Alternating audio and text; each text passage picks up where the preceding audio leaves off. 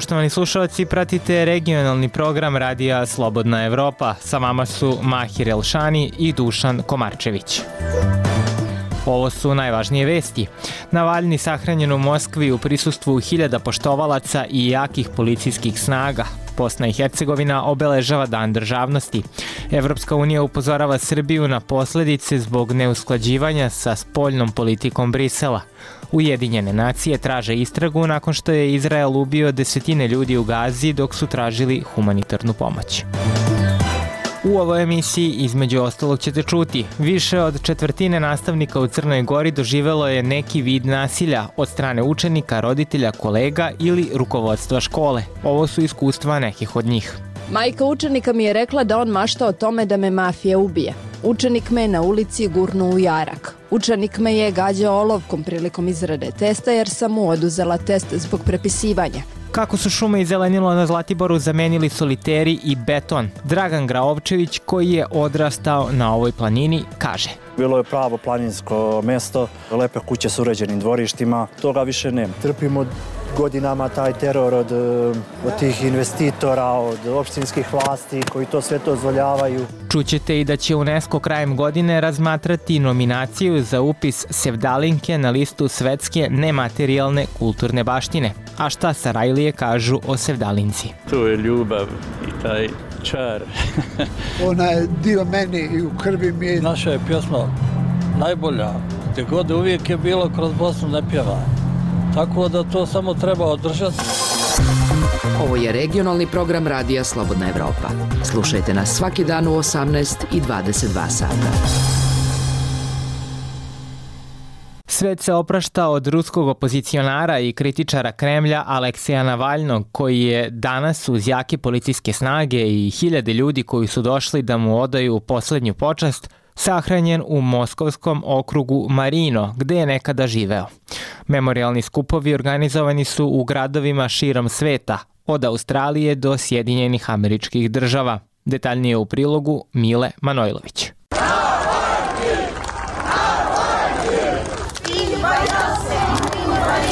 Ti se nisi plašio i mi se ne plašimo.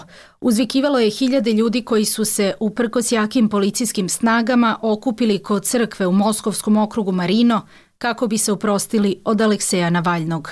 Policija je sprečavala desetine hiljada pristalica da se približe službi i sahrani.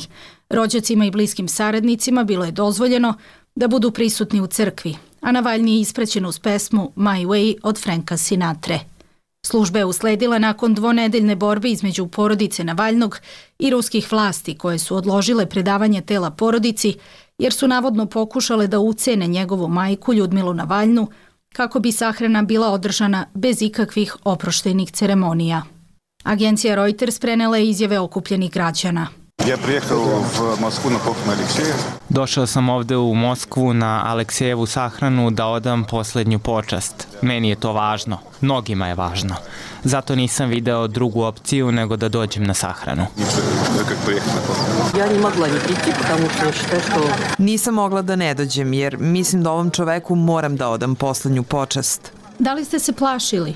Mnogo smo se plašili, stigli smo rano i dugo smo stajali ovde skrivajući cveće i fotoaparate, ali sada shvatam da to treba da uradimo i progovorimo.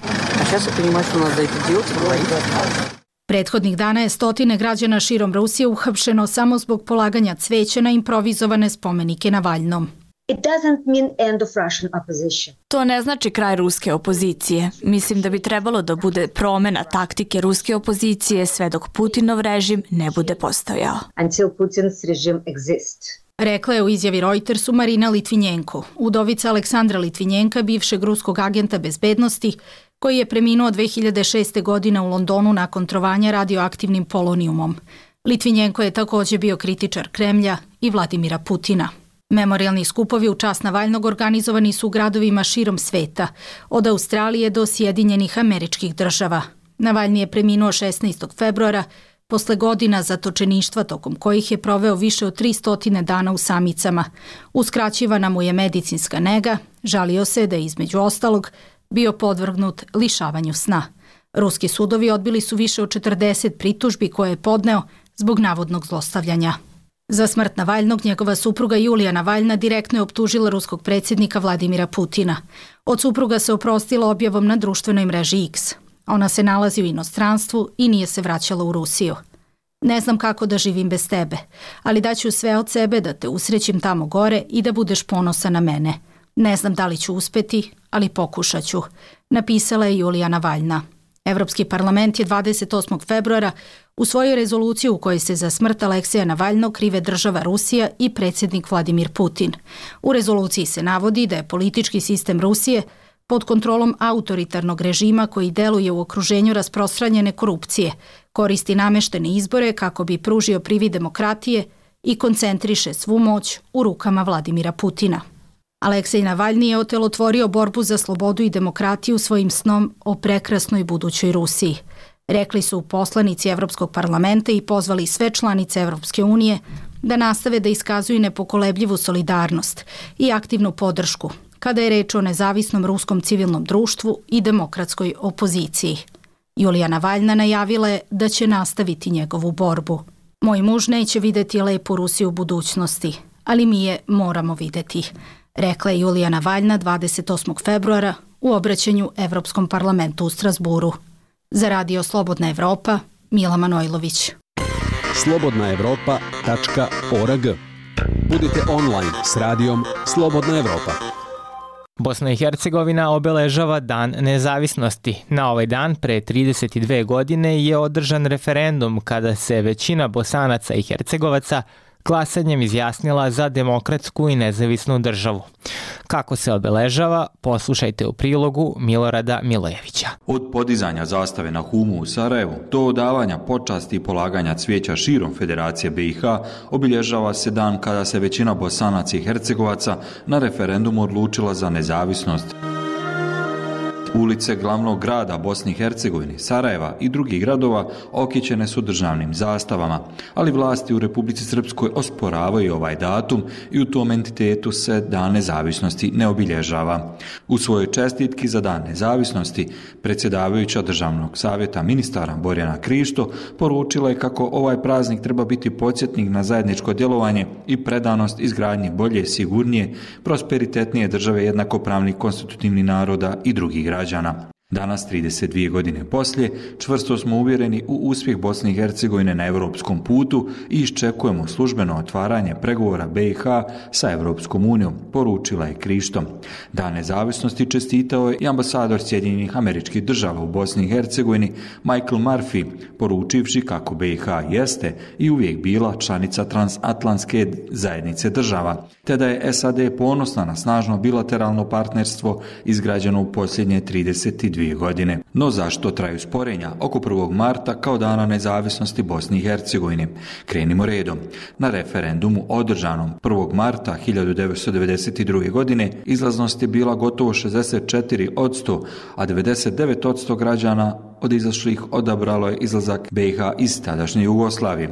Referendum je održan na preporuku arbitražne komisije Međunarodne konferencije o Jugoslaviji u završnoj fazi raspada bivše SFRJ. Rezultati referenduma su u parlamentu Bosne i Hercegovine prihvaćeni 6. marta 1992. godine.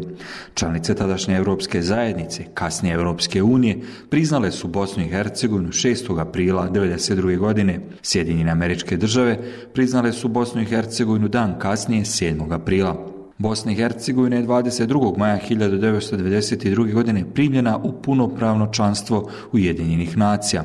Od završetka rata u BiH 1995. godine, međutim, nema političke saglasnosti oko državnog zakona o praznicima, zbog čega svaki entitet slavi različite datume kao praznike.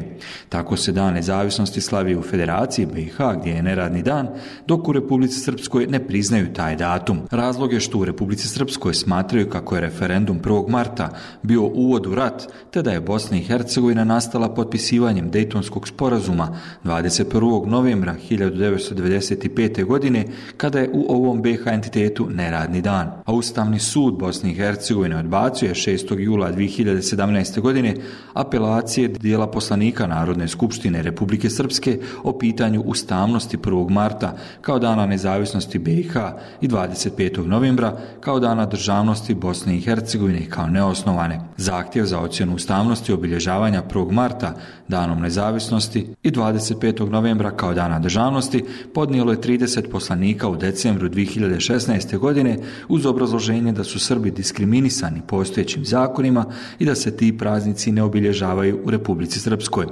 Zahtjev je podnesen nakon što je Ustavni sud proglasio neustavnim 9. januar kao dan Republike Srpske. Za radio Slobodna Evropa iz Banja Luke, Milorad Milojević. Slušate radio Slobodna Evropa.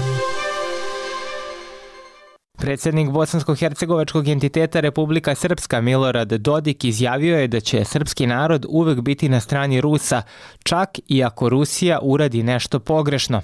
Rusija može i da pogreši, da uradi nešto što nije u redu, ali Srbi će biti na njenoj strani, rekao je u intervju ruskoj novinskoj agenciji TAS Dodik koji je pod sankcijama SAD i Velike Britanije. Predsednik manjeg bosansko-hercegovačkog entiteta sastao se 21. februara sa predsednikom Vladimirom Putinom četvrti put od početka invazije Rusije na Ukrajinu.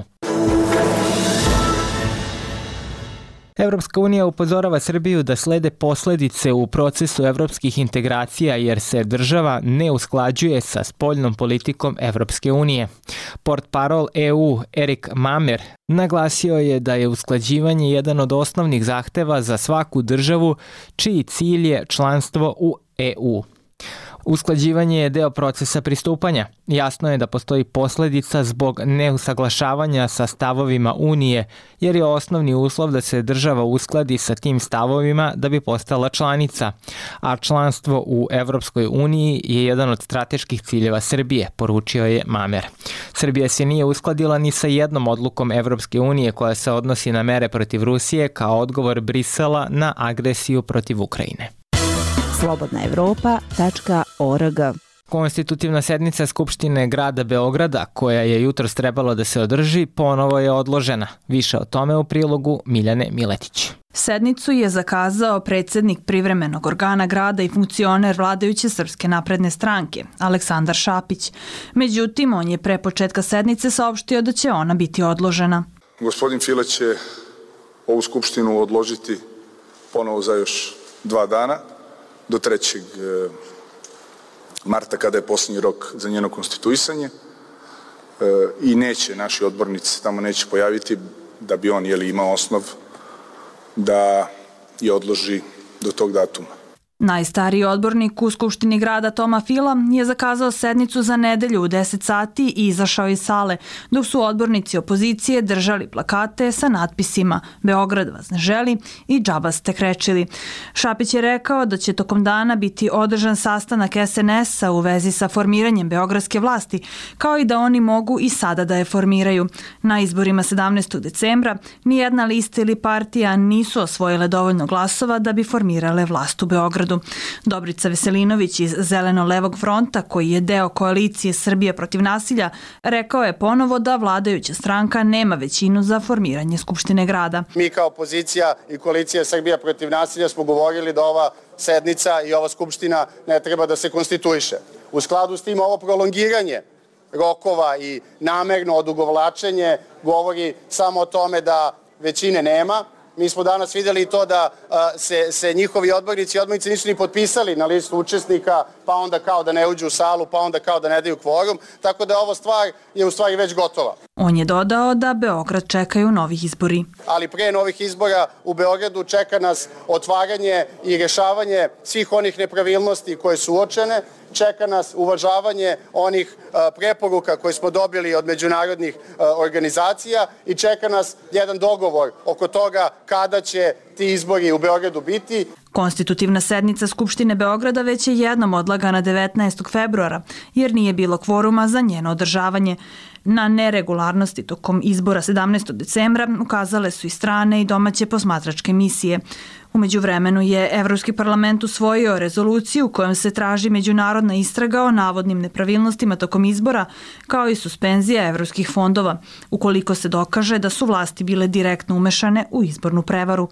U rezoluciji je Evropski parlament pozvao na nezavisnu istragu sa posebnim osvrtom na izbore za Skupštinu grada Beograda i zbog navoda o organizovanim migracijama birača na lokalnom nivou. Za radio Slobodna Evropa iz Beograda, Miljana Miletić.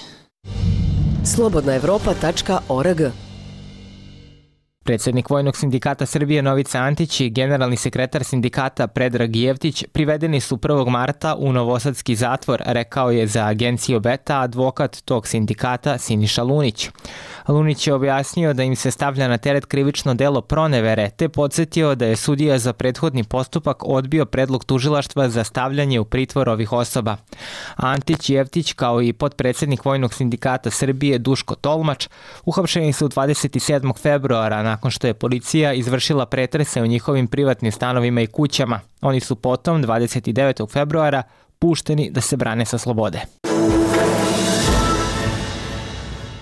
Predsednik Severne Makedonije Stevo Pendarovski najavio je građansku kandidaturu za drugi mandat na čelu te države. On je na današnjoj konferenciji za novinare pozvao sve građane da mu svojim potpisima daju podršku u područnim jedinicama državne izborne komisije, prenosi Radio Slobodna Evropa na makedonskom jeziku. U mom prvom mandatu postali smo članica NATO-a, a očekujem da ćemo u drugom postati članica Evropske unije, poručio je Pendarovski. Očekuje se da će tokom vikenda vladajući će SDSM zvanično podržati Pendarovskog u trci za drugi mandat.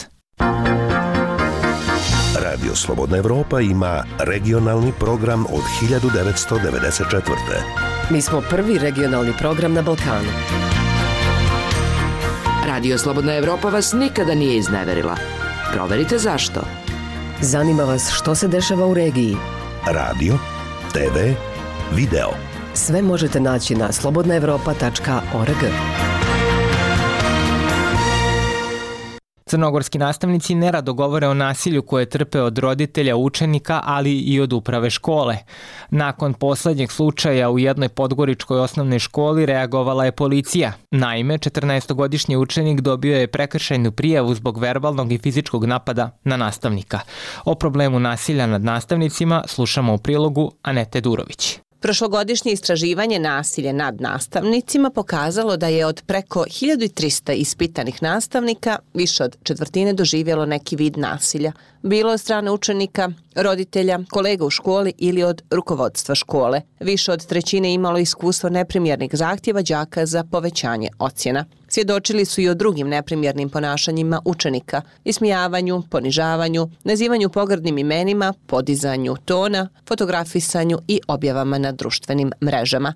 Ovo su samo neka od iskustava nastavnika koja su podijelili sa autorima istraživanja. Majka učenika mi je rekla da on mašta o tome da me mafija ubije. Učenik me je na ulici gurnuo u jarak. Učenik me je gađao olovkom prilikom izrade testa jer sam mu oduzela test zbog prepisivanja.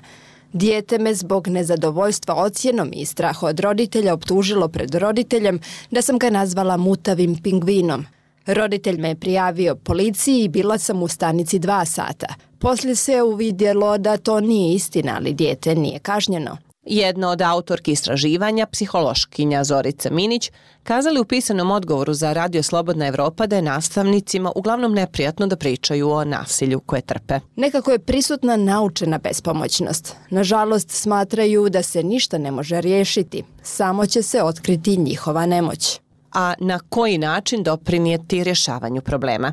Sagovornica Radio Slobodne Evrope smatra da je potrebno napraviti protokole u slučajevima nasilja nad nastavnicima. Iz sindikata prosvjete zalažu se da roditelji snose sankcije u slučaju da njihovo dijete fizički napadne zaposlene u školi.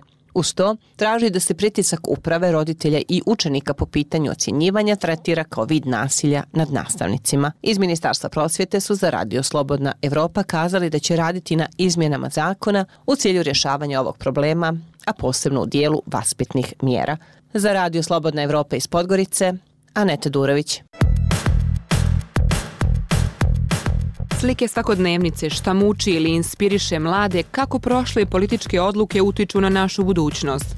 Ove i druge teme slušajte u podcastima Radija Slobodna Evropa. Sve epizode pronađite na iTunesu, Spotify, Google podcastima, kao i na slobodnaevropa.org. Slušajte odmah ili preuzmite epizodu za kasnije. Tu smo svakog dana. Podcast i Radija Slobodna Evropa.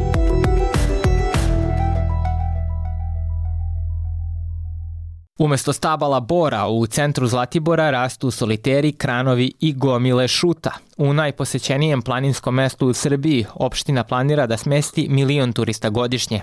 Deo meštana i aktivista upozorava da Zlatibor budućnosti može da ugrozi planinu pod zaštitom države, koja je dom za desetine redkih vrsta biljaka i životinja. Slušamo prilog Novke Ilić. Bilo je pravo planinsko mesto, lepe kuće s uređenim dvorištima, toga više nema. Na mestu kuće gde je Dragan Graovčević odrastao, danas je gradilište. Njegova porodica jedna je od mnogih na Zlatiboru koje su placeve prodale investitorima. U soliterima koji se grade odsedaće turisti, milion godišnje, prema planu opštine u planinskom mestu sa 4000 stanovnika. Već su nas počeli ograđivati drugi soliteri koji su prišli baš blizu i to bi bilo jako loše, živeli bi bez sunca. Buka je ogromna, ne možemo da izađemo napolje, da ne bude prašine. Trpimo godinama taj teror od, od tih investitora, od opštinskih vlasti koji to sve to dozvoljavaju. Umesto stabala bora u centru Zlatibora vas dočekuju kranovi, mešalice i šut. Trenutno je jedno od najvećih gradilišta u Srbiji. Broj dozvola za gradnju koje izdaje opština Čajetina, kojoj planinski centar pripada, u desetostručana je u posljednjih deset godina. Mi ne možemo samo da prodajemo čist vazduh i da očekujemo da će na osnovu toga doći inostrani gosti ili mladi ljudi. Ističe Milan Stamatović, predsednik opštine. Već smo se potrudili u ovih zadnjih 20 godina da radimo na infrastrukturi, da pratimo te savremene moderne tokove u turizmu. Ministarstvo građevinarstva je 2020. upozorilo da je Zlatibor pretrpeo veliku štetu zbog neplanske i stihijske gradnje. Čelnik opštine tada je bio u opoziciji. Danas je deo vlasti, a iz ministarstva ne odgovaraju za Radio Slobodna Evropa šta su povodom štete preduzeli.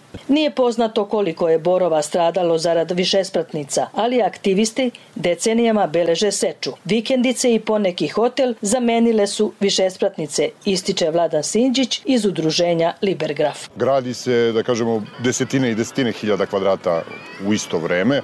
Objekti e, koji se grade su visoki po 10 spratova iznad zemlje i još nekoliko spratova pod zemljom. Ovo više liči na grad nego što liči na turistički centar. Ne postoje uslovi da se ovaj grad razvija na taj način.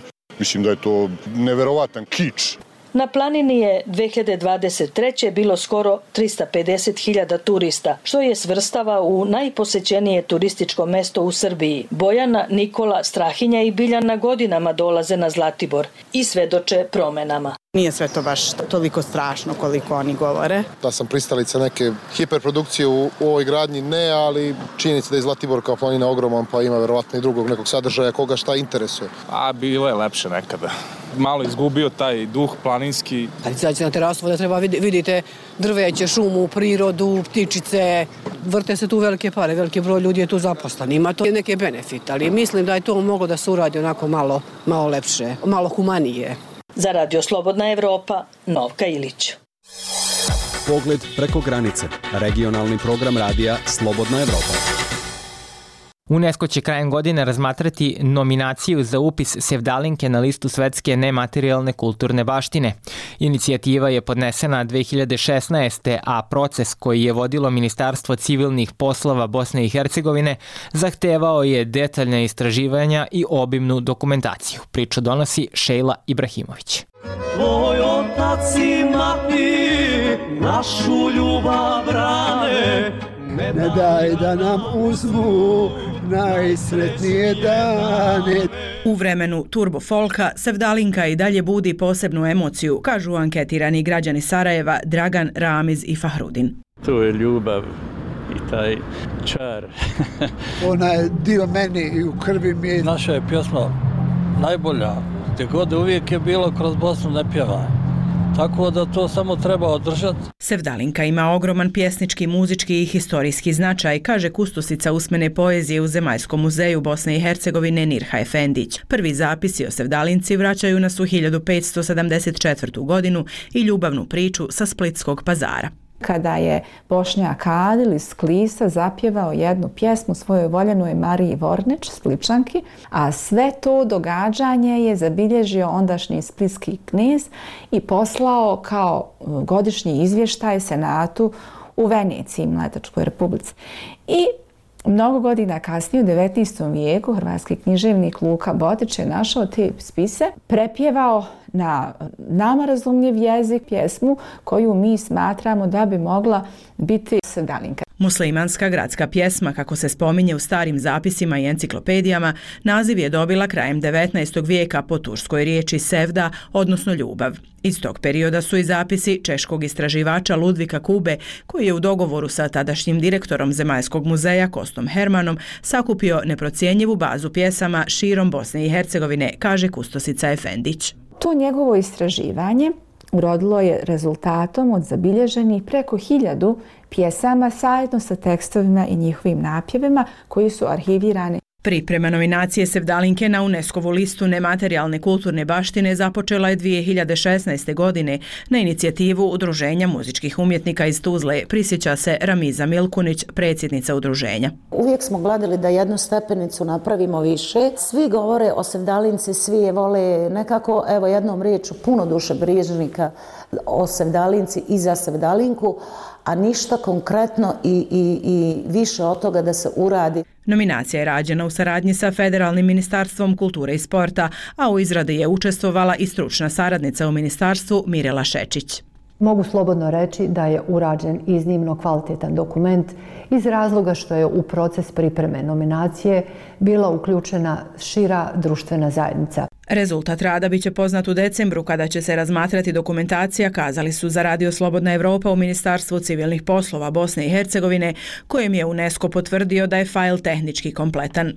Nematerijalnu svjetsku baštinu čine običaj, događaj, vještine i zanati, a konvencija o zaštiti usvojena je 2003. godine, kaže Vesna Isabegović, savjetnica u Muzeju Istočne Bosne u Tuzli. Uništavaju se građevine, uništava se materijalno nasljeđe, međutim, nematerijalno nasljeđe ono ono što narodi nose sa sobom i što je vječno. Upis na listu baštine bio bi veliki doprinos svjetskoj kulturi, dodaje Isa Begović. Smatram da je ovo zaista jedan veliki ispit da se nešto što nas povezuje, a ne samo nešto što stvara razlike između nas, da se to nešto kao što je Svedalinka nađe na listi reprezentativnosti reprezentativnoj listi nematerijalne nasilja čovječanstva. UNESCO-va konvencija koju je Bosna i Hercegovina ratificirala 2008. godine posebnu pažnju poklanja očuvanju baštine u matičnoj zemlji, podsjeća Mirela Šećić, stručna savjetnica u Federalnom ministarstvu kulture i sporta.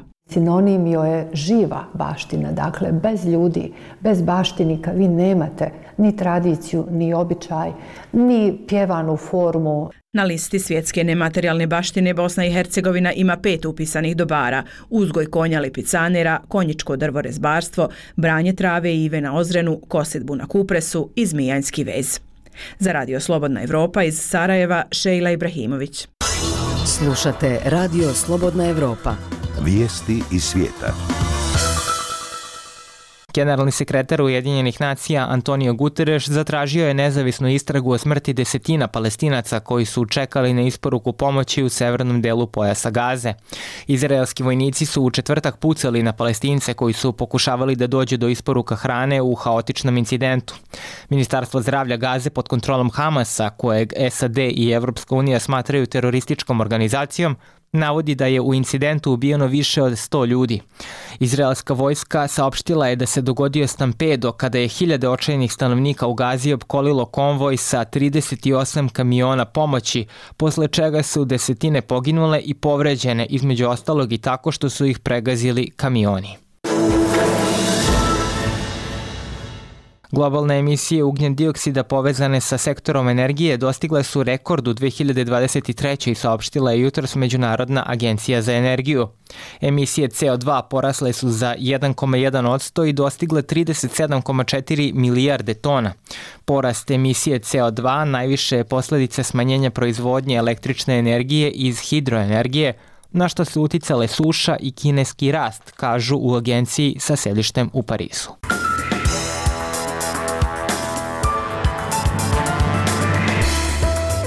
Bilo je ovo sve što smo vam pripremili u regionalnoj emisiji Radija Slobodna Evropa. Više vesti možete potražiti na našem sajtu slobodnaevropa.org, a možete nas pratiti i na društvenim mrežama, Facebooku, Twitteru, Instagramu, TikToku. Srdačan pozdrav od Mahira Elšanija i Dušana Komarčevića.